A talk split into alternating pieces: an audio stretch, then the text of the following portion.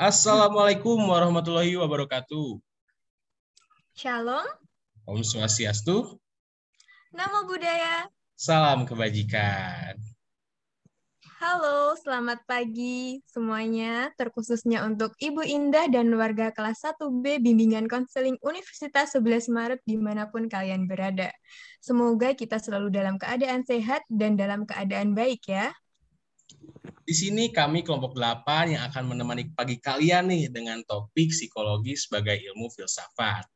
Biasanya kalau misalnya udah ngomongin filsafat, psikologi, kayaknya tuh obrolannya tuh agak berat gitu ya tapi tenang, kalau sama kita, kita akan bawa santai, tapi obrolan santai, tapi tetap bermutu dan pasti banyak manfaatnya untuk kalian.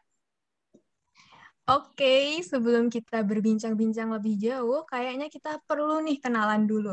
Karena nggak enak kan kita udah ngobrol banyak tapi nggak tahu siapa yang ngomong. Tak kenal maka tak sayang gitu ya.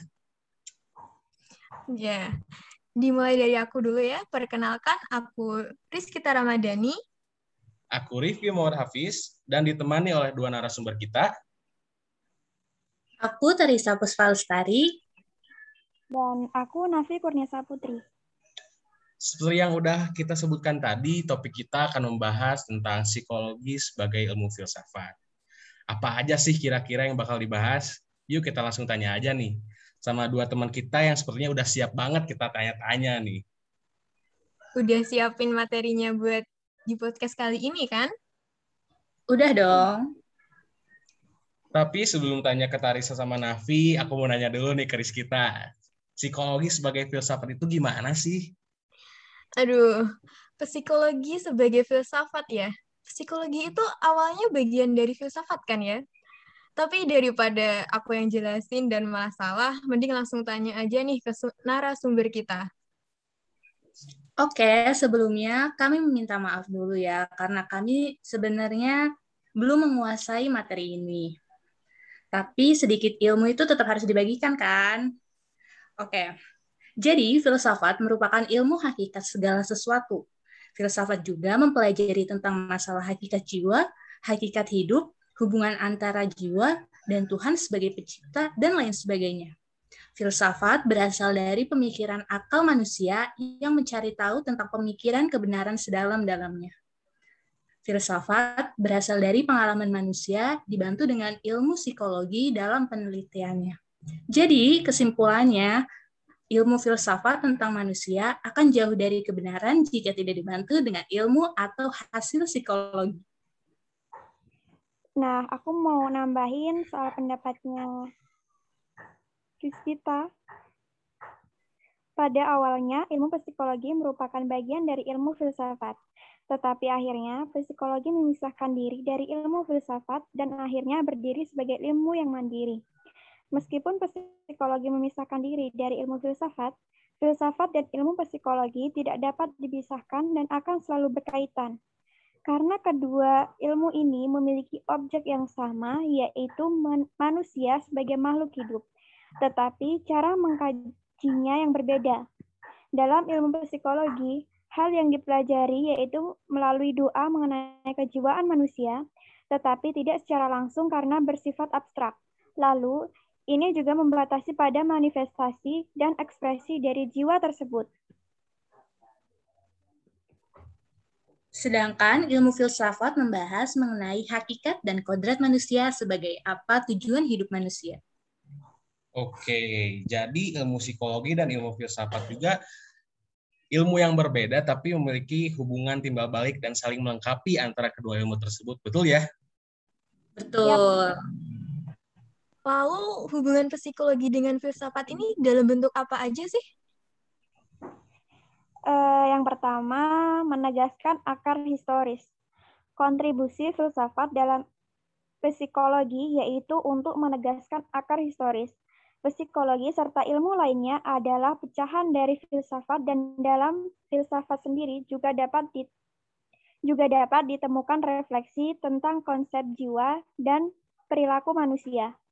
Saat membaca beberapa teks kuno, Aristoteles dan Thomas Aquinas mengenai konsep jiwa dan manusia, maka akan ada beberapa teks kuno tersebut yang memberikan sudut pandang serta pemikiran baru untuk perkembangan ilmu psikologi.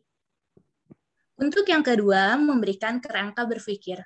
Manfaat ilmu logika yang menjadi salah satu cabang filsafat, psikologi, psikologi juga akan dibekali dengan kerangka berpikir yang bisa digunakan dalam kerja mereka. Metode pendekatan dan juga penarikan kesimpulan akan diambil atas dasar prinsip logika, sehingga dengan belajar logika secara sistematis, diharapkan para psikolog dapat mengembangkan ilmu psikologi secara sistematis, logis, dan rasional. Uh, yang ketiga, perkembangan etika. Di dalam praktek ilmiah, para ilmuwan membutuhkan etika sebagai panduan agar penelitiannya tidak melanggar nilai-nilai moral, dasar seperti kebebasan dan hak-hak asasi manusia, sebagai praktisi, seorang psikolog membutuhkan panduan etis di dalam kerja mereka. Panduan etis ini biasanya diterjemahkan dalam bentuk kode etik profesi psikologi. Untuk yang keempat, ada eksistensialisme. Eksistensialisme merupakan cabang filsafat yang merefleksikan manusia, di mana akan selalu bereksistensi dalam hidup sehingga manusia akan dipandang sebagai individu yang akan terus berproses agar mendapatkan makna dan tujuan hidup. Kemudian yang kelima yaitu mengangkat asumsi. Ilmu filsafat yang dapat mengangkat asumsi dalam ilmu psikologi. Filsafat berguna untuk kritik pada asumsi, Makna kritik di sini adalah kritik yang konstruktif agar ilmu psikologi dapat berkembang dan bisa memahami realitas kehidupan manusia di mana asumsi tersebut dibagi menjadi tiga, yaitu antropologis, epistemologis, dan metafisis. Untuk yang keenam, ada refleksi teori sosial kontemporer. Filsafat memberikan wacana atau sudut pandang yang baru dalam bentuk refleksi teori sosial kontemporer dalam pengantaran psikologi sosial. Pada pembahasan teori, cara pandang fenomena sosial politik, filsafat sosial nantinya akan menyumbangkan banyak hal dalam perkembangan psikologi sosial dan juga bentuk dialog di antara ilmu yang komprehensif. Kemudian yang ketujuh yaitu membantu perkembangan ilmu psikologi. Psikologi sebagai seorang ilmuwan membutuhkan kemampuan berpikir dari ilmu filsafat agar para psikolog tetap sadar bahwa ilmu yang sebenarnya tidak pernah bisa mencapai kepastian yang mutlak, namun hanya dalam level kemungkinan terjadi. Yang kedelapan, memberikan cara berpikir radikal, sistematis, dan juga rasional dengan itu, psikologi bisa menjelajah ke area yang sebelumnya belum pernah tersentuh. Teori dari psikologi tradisional beranggapan jika manusia dapat diperlakukan seperti individu yang mutlak dan sebagai objek. Dengan cara berpikir filsafat, pemahaman teori psikologi tradisional akan bisa kembali ditelaah dan mencari kemungkinan pendekatan baru yang lebih sesuai. Kemudian yang kesembilan yaitu memperlancar integrasi antar ilmu. Filsafat digunakan untuk memperlancar penyatuan di antara berbagai ilmu yang dibutuhkan, khususnya ilmu pengetahuan.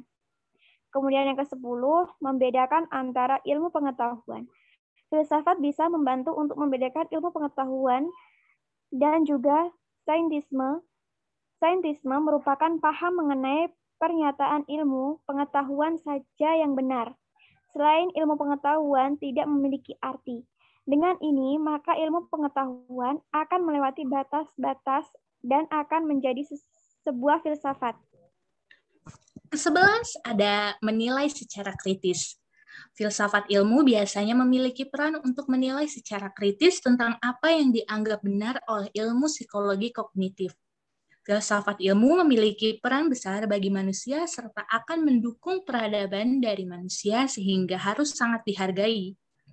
Akan tetapi nih ya, terkadang kelemahan yang harus diperhatikan yaitu jika pelaku ilmu berpendapat jika di luar ilmu mereka tidak ada pengetahuan lain yang bisa dibenarkan, sedangkan kelemahan lainnya yaitu dengan adanya anggapan bahwa kebenaran yang dikemukakan secara eksplisit dengan mengabaikan bidang filsafat yang sebenarnya sudah dimasuki oleh pelaku ilmu yang bersangkutan. Kalau yang ke-12, aku tahu nih. memberikan solusi dalam permasalahan. Iya kan?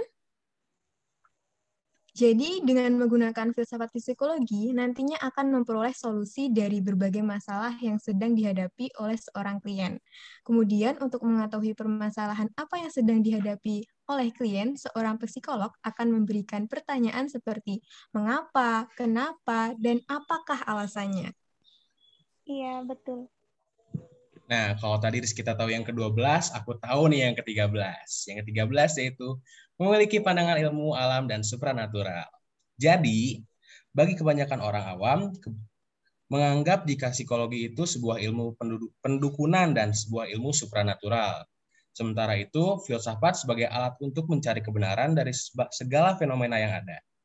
Mempertahankan, menunjang, dan melawan atau berdiri netral terhadap pandangan filsafat. Dengan demikian, filsafat dan psikologi memiliki pandangan yang sangat berbeda. Nah, selanjutnya itu ada berkaitan dengan pikiran dan kognisi.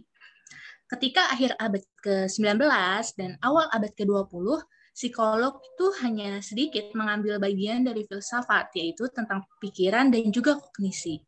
Akan tetapi, 30 terah, tahun terakhir ini sudah berubah, yakni ada kecerdasan buatan, antropologi, psikologi kognitif, dan juga linguistik, serta ilmu saraf yang akhirnya membuat ilmu psikologi dan filsafat itu berjalan pada jalur yang sama.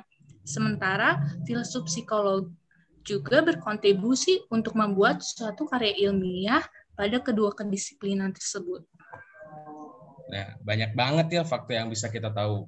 Kira-kira ada lagi nggak sih masih ada lagi nih, ini yang terakhir ya, yaitu saling melengkapi. Hubungan dari filsafat dengan psikologi yaitu ilmu pengetahuan yang di mana subjek psikologi merupakan manusia yang mempelajari tingkah laku dari manusia yang berhubungan dengan kehendak, akal, dan juga pengetahuan. Sementara filsafat juga bertujuan untuk mengulas tentang tingkah laku manusia, namun membutuhkan data dari ilmu pengetahuan. Ternyata banyak banget ya hubungan psikologi ini dengan filsafat. Kayak yang udah dijelasin Tarisa sama Nafi tadi, kayak yang pertama, menegaskan akar historis, lalu memberikan kerangka berpikir, perkembangan etika, eksistensialisme, mengangkat asumsi. Ayo coba Rifki, apa lagi lanjutannya tadi? Yang kedelapan, memberikan cara berpikir radikal, sistematis, dan rasional. Kesembilan, memperlancar integrasi integrasi antara ilmu, Ke-10 membedakan antara ilmu pengetahuan, 11 menilai secara kritis, lalu yang ke-12 yang tadi kita bilang memberikan solusi dalam permasalahan, lalu yang aku juga tambahin juga tadi yang ke-13 yaitu memiliki pandangan ilmu alam dan supranatural, lalu yang ke-14 berkaitan dengan pikiran dan kognisi, lalu yang terakhir yaitu saling melengkapi. Jadi banyak banget nih yang kita raih gitu, yang kita dapat dari dari podcast ini ya. Nah, kira-kira uh, sekian saja gitu ya dari kita. eh, kira-kira kalau misalnya nanti ada yang mau nanya boleh lah ya. Kalau misalnya boleh banget nanya. dong. Oke. Kira-kira sekian dari kita. Uh, kalau boleh nanya nanti di selanjutnya aja ya. Assalamualaikum warahmatullahi wabarakatuh.